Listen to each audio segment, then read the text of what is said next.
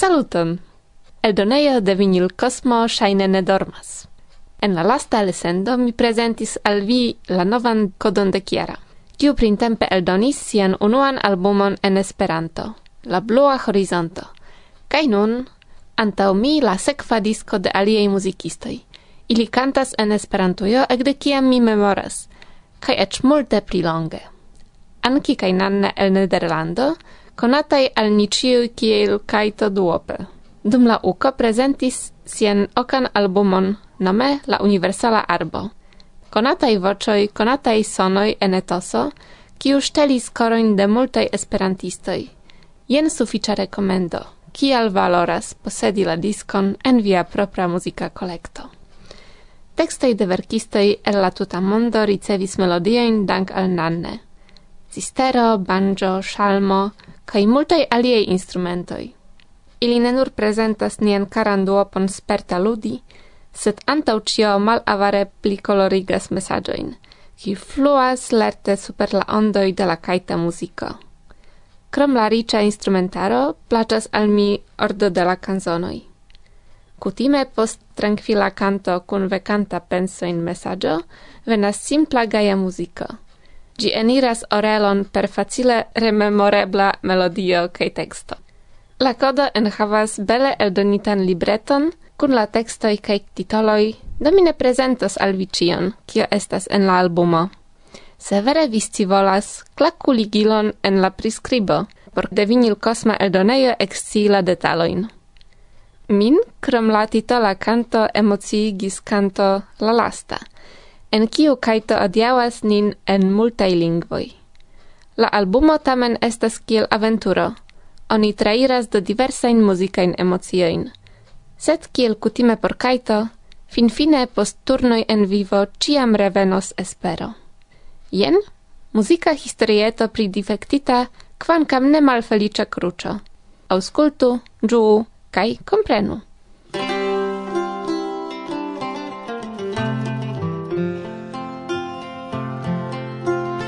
Survoje mal maljunulin, celas akvo puton la destin, si ne genas la frua oro. Tiu puto esta suffice for, si revenas nur post unu hor, ne malboniĝas sia humoro.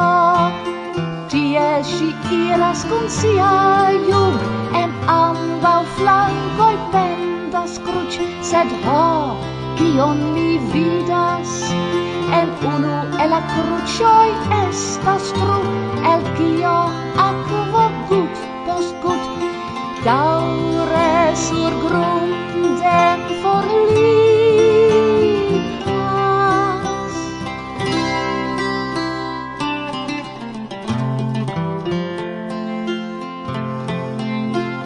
Revenim te heimen cum grazi vocion malautam audas la difectita cruc parolas ciu mi ancora povas servi vin ne plu bone funccias mi vi bezonas crucion novam certe ne diras la virin vi restas ĉar mi besonas vin la vojeton vi coloras kiel rezulto de via man forfluis aquo al via flank kaj tie nun belegaj floroj fluas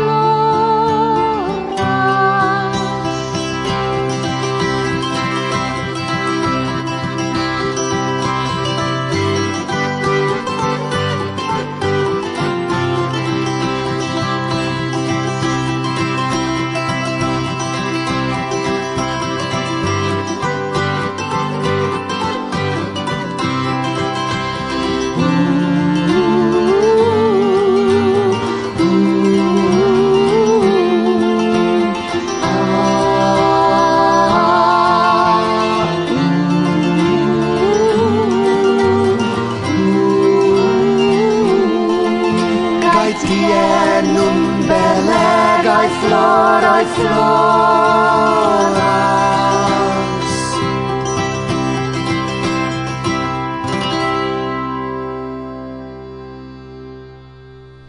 Kai se via appetito pri la cantoi de Kaito crescis, nome de nia tuta redakcio mi invitas vin al concerto, registrita en nia provizora giardena studio, kiun felicia mi partoprenis. Ec pos gi donace mi povis electi unu el codoi de Kaito, kun surscribo. Bonan auscultadon. Via Kasia Ho.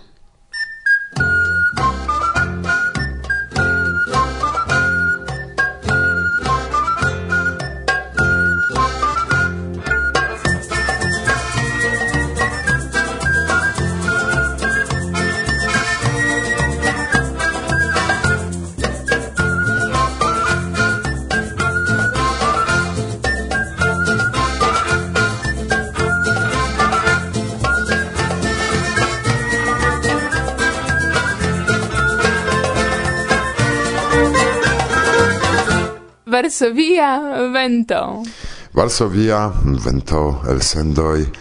unu jaron antaŭe ni renkontiĝis ĉi tie kaj parolis pri iu ideo.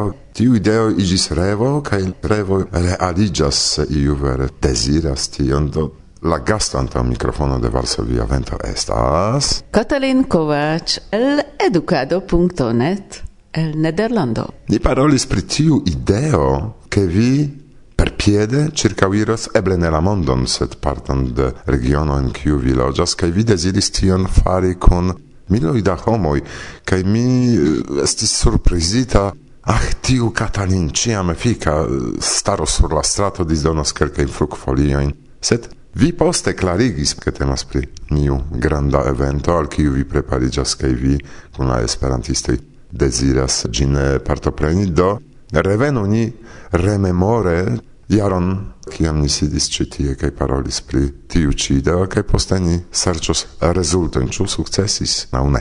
Dankon pro la eblo rememori tion, kiun mi eble nur revis anta unu jaro. Do la unua celo estis fakte movi nin kai sportumi kai akiri forton kai nenur sidi deco coroin antau au malantau la computilo kiel vi preferas kai la celo estis provi en kiu sporto en kiu agado. Mi mem kai compreneble Silven kiel accompagnanto capablos ion utilan fari. Kai tiam ni planis unue simple provi iun pilgrim vojon kiu estis uh, circa 150 km in longa, kai ni povis fari en kiom ainda da en kiom ainda da tagoj, ne gravis, sed oni devis plenumi collectante ringeto in kiujn oni trovas dum la vojo, kai poste oni presentas cion kai estas registrita kiel sukcesaj pilgrimintoj. Oni faras pro religiaj kialoj, sed por ni tio ne gravis, ni iris mem, por ni mem kai por unu alla alia. kai ni sukcesis ni circau iris Nijmegen, kies esperanto nomo estas Nimego, troviĝas en la orienta parto de Nederlando proxime al Germanio, kaj ni ekstreme ĝuis tiun promenadon. Estis kvar tagoj, ni faris multe pli ol ni imagis, ni havis dorso sakon kun ĉiuj aferoj, kiuj necesas por eh, kvar tagoj, dormadon kaj ĉion, tio estis aparta temo pri kiu eblus paroli. Silveo ne nur sur foto estas charma, tion mi constatis calcfoje, sed eh, vi diris ke mm, tion pilgrimadon partoprenos ankaŭ esperantistaro, kiun eh, vi deziris alvoki per iu evento, Katalin Marshas eh, Ĉu aligis homoj vere kaj partoprenis tion? Do, eh, vi nun miksis du aferojn, ĉar mi nun parolas pri la antaŭa pilgrimado, kiun ni faris duope. Kaj ni sukcese faris, kaj tio donis ideon en la lasta tago, kiam ni estis tute lacaj kaj marŝis pli malpli tridek kvin kilometrojn kaj plendis al la gastiganto, ĉe kiu ni dormis, ŝi diris: "O, oh, estas nenio!" existas la quartaga marŝado. Kai mi informigis kio oggi estas, kaj ni diris, ke la partoprenantoj devas eh, dum kvar sequai tagoi marŝi quinda, quinda, quinda, quinda kilometroin, kai tio estas granda evento, kai mi tui diris, ah, ne, ne, estas idiotajo, sed en la sekva secundo mi am sis, che mi aligios al tio idiotajo, kai por tio mi invitis esperantistojn kaj gi okazis en julio do nau monato in pli malfrue. Kaj eble ni parolu pri tio se vi deziras. Ĝuste tion mi celis eh, tiu ki ne scias nian unuan interparolon serĉu ligilon en priskribo de tiu ĉi programero. Kaj eh, pere de la ligilo vi aŭskultos historion de tiu ĉi historio. Do al venis esperantistoj al igis abunde. Vi havis toczemizojn proprajn ĉu ne? Ĉar mi vidis iujn toczemizojn se oni povas nomi tion toczemizo ĉu ne? Do eh, mi unue rakontas pri la evento mem. Ĝi estas la plej granda amas marŝado la plej granda amas sport evento de la tuta mondo. Do tio iam tute congruis kun mia ideo, ciu ne partopreni ion kiu devus esti la plej granda. Gin partoprenas kutime kvardek sep mil homoj, do ne esperantistoi ancora. E, do ni devis aligi, pagi, sed imagu che estas multe pli da desirantoi ol quardec sep mil homoi, do oni lotumas – kiui rajtas partopreni, kaj char mi extreme volis, mi uzis la eblon pagi ne okdek du eurojn, sed tricent mi ne memoras dudek au kvardek euroin, do ambau ni pagis po Estis granda sumo por povi, por raiti, esti inter la unuae mil, kiui vere certe rajtas partopreni. Kai aligis ancora quelcae esperantistoi, nem multai estis tie Rob Getalar, kiu jam la decnauan au dudecan fojon marsis, kaj li ne devis tropagi, char estas jam regula partoprenanto. Ni havis Jessica el Berlino, kiu unue ne eniris la lotumadon. Do si volis, deziris, sed ne sukcesis unue kaj poste en la dua rondo, kiam el falis kelkaj, si ricevis lokon. Kaj ni havis ancora cromni du aliain pri kiu nisciis, unu estis el eh, Nimego mem, kiu influigis pro mia partopreno, kai comencis marsi, kai iun eh, junan personon ni trovis el duolinganoi, kiu ne tute bone parolis Esperanton, sed captis la ideon. Do, ni estis facte ses, kai estis iu sepa pri kiu ni ne sciis, nur eksciis poste. Kai estis unu alia esperantistino, kiu estis volontulo en la Ruĝa Kruca helpo. Do entute Sep ok personoi plus nia gastiganto Mikos Loper el pasporto alla tuta mondo la filosofo ce kiu ni logis kai kiu complete zorgis pri nia marŝado. Tamen ni estis malmultaj inter kvardek sep mil, ni sukcesis allogi la atenton de homoj. Ni aperis en intervjuo de la plej fama televid programo de Nederlando. Estas iu fama raportisto kiu faris serion de la filmo do ni aperas. Quancam Silvan Raitis paroli iom, mi estis en mia chemizo sed mian Esperanto reklamon oni fortrancis, sed oni vidis min kaj vidis la vorton Esperanto. Kaj ni aperis anco pro iu tre tre misfamiga afero en la unuaj paĝoj de la Nederlandai ĵurnaloj. Do imagu, ke mi kaptis un okazon allogi la homoi. Ni havis iun sandwich vestaĵon kun la paĝoj de Poŝamiko, ki ni turnis uh, dextren mal dextren depende de tio kiun oni legis sur mia dorso malanto mi dum la pasado Do oni vidis nin, oni sekvis nin, oni alparolis, multae mislegis eh, la alfabeton sur mia dorso, do mi clarigis kiel estas bone, kelkai diris ke estas facila lingvo la espanola, do mi diris ne estas la espanola, sed estas esperanto, do estis multae bonae renkontiĝoj, ankaŭ discutoi pri la lingva politico, imagu vastan straton kia marches kvardek sep mil homoi. Do se vi iras meze de la strato, tio ne vidigas vin.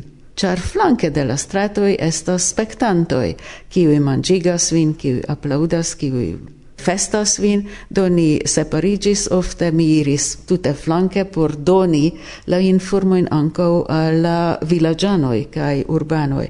Ni havis shildeton, ni havis flagon, ni havis surscriboin, do ni faris nian laboron bone, kai oni applaudis, estis musico, oni man premis alla pasantoi, do mi aliris anco al iu urbestrino, kiu premis la manon, kai oni fotis nin la televido. Kai mi eh, montris, mi parolis en Esperanto, si demandis el kiu lando mi estas, kai si ne konis Esperanto landon, do estis multai amuzajoi, kai mi provis eh, iri tien, kiam mi vidis la televidan eh, kameraon, kai eh, uh, raportisto do compreneble kun la mamo kai la flagoi do ni provis kun Silven aperi antau ili. Do tio iris bone, kai en la tria tago mi havis speciale fortan doloron en mia genuoi Tiu problemo daure accompanis min, kai Silven devis plurfoje halti masaggi por che mi povu plu marshi, mi havis diversajn medikamentojn kai ni faris tion, mi diru en ciu kvina deka kilometro. Li jus faris, ni iris kai si tre amuze, char mi equidis iun tre profesian fotistinon, kiu evidente faris por la uh, gazetaro. foto in do mi diris, Silven, masaggio, che dis, eh, ni jus havis, mi dis, ne gravas, masaggio. Do, kien mi faris, quaso collapsante, do mi sidigis giuste ce i piedoi, kai quasi agonizante petis massagion de Silvan, tutte bone ebenigis mian esperanto eh, to mison cae Silvan donis la massagion do li tiam comprenis kial mi quasi collapsis, cae si tui demandis, ciu mi raitas foti, do mi arrangis mian vestagion tium de Silvan, cae si faris multain fotoin, kai si diris ciu ni consentas pri publicigo Ma ni iom cerbumis, quancam ni faris la tuton por tio, evidente, ni yes, yes, yes, mm, bone, do ni plu iris iom eh, rapide, char ni perdis calcain miloin da homoi kiui preter passis. Cai, eh, sequon tage comenzas veni la informoi. Do, la unua en la starto, la homoi etiras, ciu vi tamen estas? Kaj mi ne comprenis, ki, kial mi tam compreneble la quara lasta tago, aldone post tiu massaggio de professiulo vespere mi fartis eh, tre bone, pli bone ol iam ajn. Do, kai la homoi reconis nin de la Masantaŭko, kai vi diris, sed, sed vi forfalis, ĉu ne? Ĉar la plej granda afero estas kiu eltenas kvar tagojn, kaj eh, vere estis pli malpli mil personoj kiuj ĉiutage forfalis kai se oni vidas iun pri kiu ili scias ke forfalis estas kontraŭ regulo Kaj mi ne sciis, kia ciu volas mortigi min. Venis telefonvokoj, mia filo, panjo, ĉu vi ne estas en la, inter la marŝantoj? Do mi vere ne komprenis kaj estis nederlanda amiko el Francio kiu vokis nin. Katalin, ĉu vi scias, ke vi aperis en almeno kiun mi vidis sur kvar titolpaĝoj de landaj gazetoj, Silven masaĝas vin, mi diris, oh, bone, sukcesis. Se ĉu vi scias, kio estas la titolo de la gazeto? Kaj mi diris, kio? Ke tage mil marŝantoj forfalas, do, kaj kun Esperanto. Do, fakte mi sukcesis misfamigi Esperanton, ĉar estis Esperanto, signorino Esperanto, Esperanto kiu forfalis. Do tiam mi komencis pensi ke eble ne ĉiu reklamo atingas la celon kiun mi volis atingi. Ne, ne, ne, tamen, tamen, vi turnis atendon, ke Esperanto existas tia maniere, vestita en bildetoin de posamiko, ne forfalita, kaj homoj pro compato ec povas pensi pri Esperanto, ĉu ne?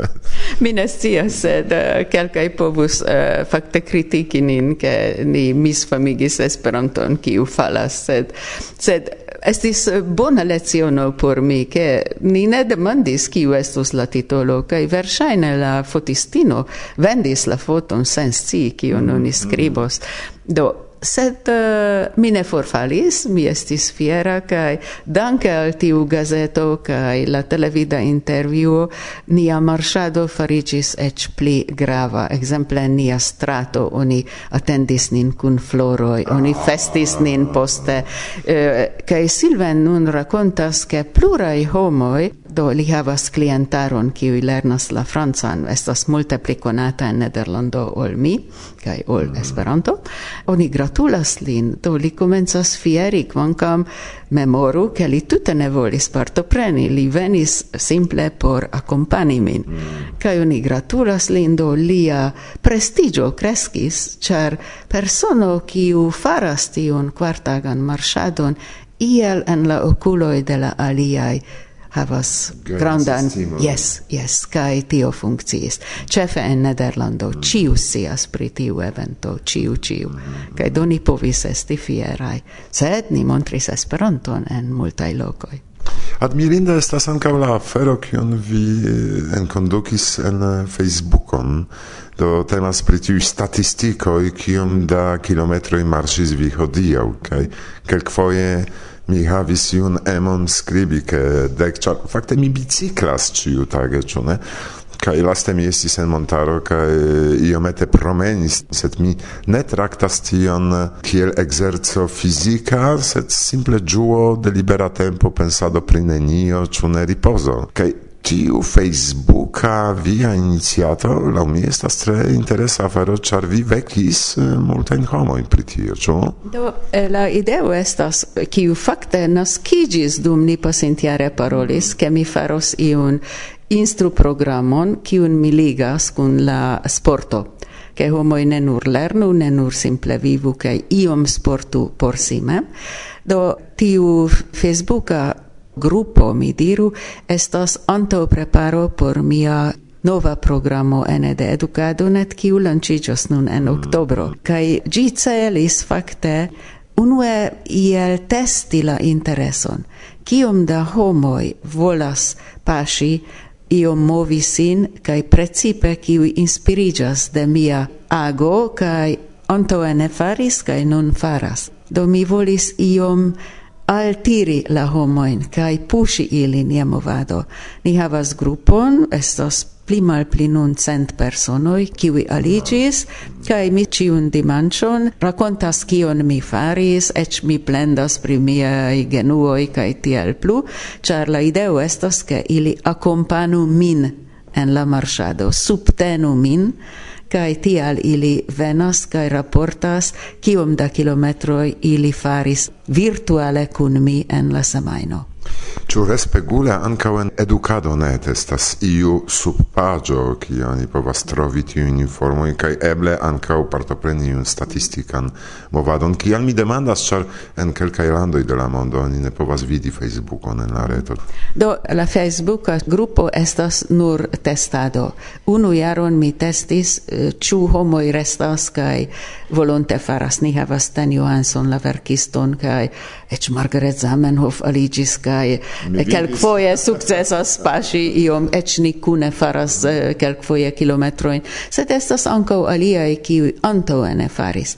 Mi tute konsias pri la limigitaj ebloj de Facebook, kiu estas fakte eh, iom miriga afero. Oni pensas ke Facebook venas en ĉiu loĝejo de la krano, tute ne, sed mi ripetas nun mi presco fin construas la unuan programon, kiu forlasos Facebook kai recreas novan aferon tute alian ni lancios en oktobro La titolo estos ne ec marshu cun Catalin, sed cun pasado circa la mondo, cae ni havos la pra, mi diru, beta programon por tio, homoi de kie ein povos aligi, kiui semaine almeno unu foie minimume quin kilometroin pasas, au nagas, au curas, pardonu min irect, sed biciclantoi ne povos veni, char ili tro rapidus. Eble por ili ni klonos la successan programon iam,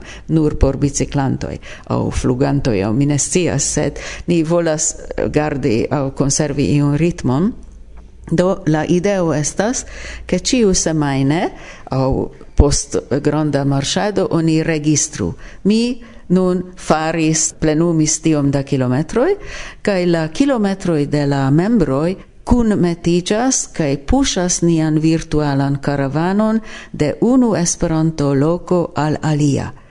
Kaj tiel ni vidas kaj ni sentas ke ni kune pasas, ke ni kune faras ion kaj ni visitas diversajn landojn kaj tiel lokojn kie ni ricevas bonvenigon mi jus uh, ricevis materialon de Svislando, de Shodefono, la lerneio, La Granda Ursino, kie Monica Molnar instruas, bonvenigas nian karavanon, pretigis filmon kun la dudek kvar infanoj kiuj prezentas al ni la urbon kun specialaĵoj, ciu diras du tri frazojn, ni rigardas ilian lerneion, ni vidos en la paĝaro tekston, ni vidos ligojn, do estos quaso iu duontaga tuttaga visito en tiu lerneio, kaj kiam ni visitis gin, farinte iam del Hago tra Antwerpeno, Greziono kaj Sudefondo presco mil kilometroin, poste ni iras al nia sekva loco, kiu estas post Sudefono, estas alen la granda biblioteco. Do tiel la pasintoi movas sin, havas plezuron ekkoni en la mondo la diversajn lokojn kiuj partoprenas kaj aldone mi donas al ili surprizon kaj por tio mi kalkulas ankaŭ je via helpo. La paŝantoj estas sufiĉe kiel mi diru enuiga afero kelkfoje paŝi Oni auscultas muzikon, auscultas stultajon, eble ili auscultas podcastoin de Varsovia Vento, mi scias, sed multai havas stopitain oreloin, cune, ne? Kaj amuzas sin.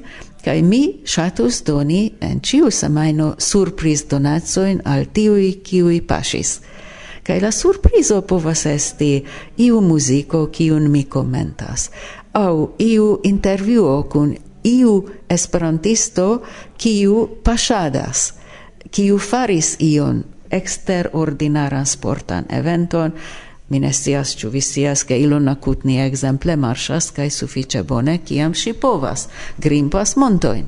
Mi celas intervjui John Wells, kiu kuris maratonon, do mi volas prezenti esperantistojn de alia flanko, ne pri gramatiko kaj interlingvistiko, sed pri io pri kio oni ne scias. Do estas intervjuoj kiu ni faras Skype kaj mi ekzemple instruas gramatikaĵon iomete che ili lernu dum la pasado estos iu mixita programo che estos surprizo. Kelk foi estos simple muziko kiun mi komentas. Do kvin minutoj. Kelk foi estos kompilita tuthora programo kun diversaĵoj. Silven parolos pri naturprotektado kaj la verduloj la problemo de la mondo pri la plastai ruboi kion fari kaj tial plu quin minutoin, dec minutoin, au memorajoin. Margaret Zamenhof donas curacistain consiloin, exemple por marchantoi, mm. kion fari, kial spiri, uh, ne fumi eh, dum la marchado, cae tiel plu, ne pensi che mi fumas, sed ne gravas, char mi marchados poste. Do estas unu hora pli mal pli bloko en ciu quara surprizo, sed dume venas aliai aferoi, cae mi esperas che ni ricevas donacoin de cantistoi, ciui volonte donas sia musicoin mm. in portiu celo, mi esperas ricevi anco donats programma in de Varsovia Vento, el kiu ni eble usos, compreneble ciam diros, che estas donazo de tiu programma, che homoi estu puŝataj, ĉar tiujn donatsoin ili povas ausculti nur dum unu semajno. Do se ili ne pasas, ili mistrafos surprizon kiu malaperos el la reto. Kai venas nova. Do tiel mi estas tre cruela, sed pedagogo kaj patrino, do mi volas manipuli la homoin eh, kaj puŝi ilin al ĉiu semajna moviĝo. Do tio estas pli malpli la programo, mi resumas, ili movas sin, sportas, ili legas en Esperanto, ĉar estos tekstoj, ili vizitas Esperanto-lokojn ĉirkaŭ la mondo, ili auscultas Esperanton, do comprenas, kaj sentas sin parto de caravano kiu kune iras. Se neniu pasas nia caravano, simple staras je la landlimo ie en la mondo. Do tio estas mia nova projekto.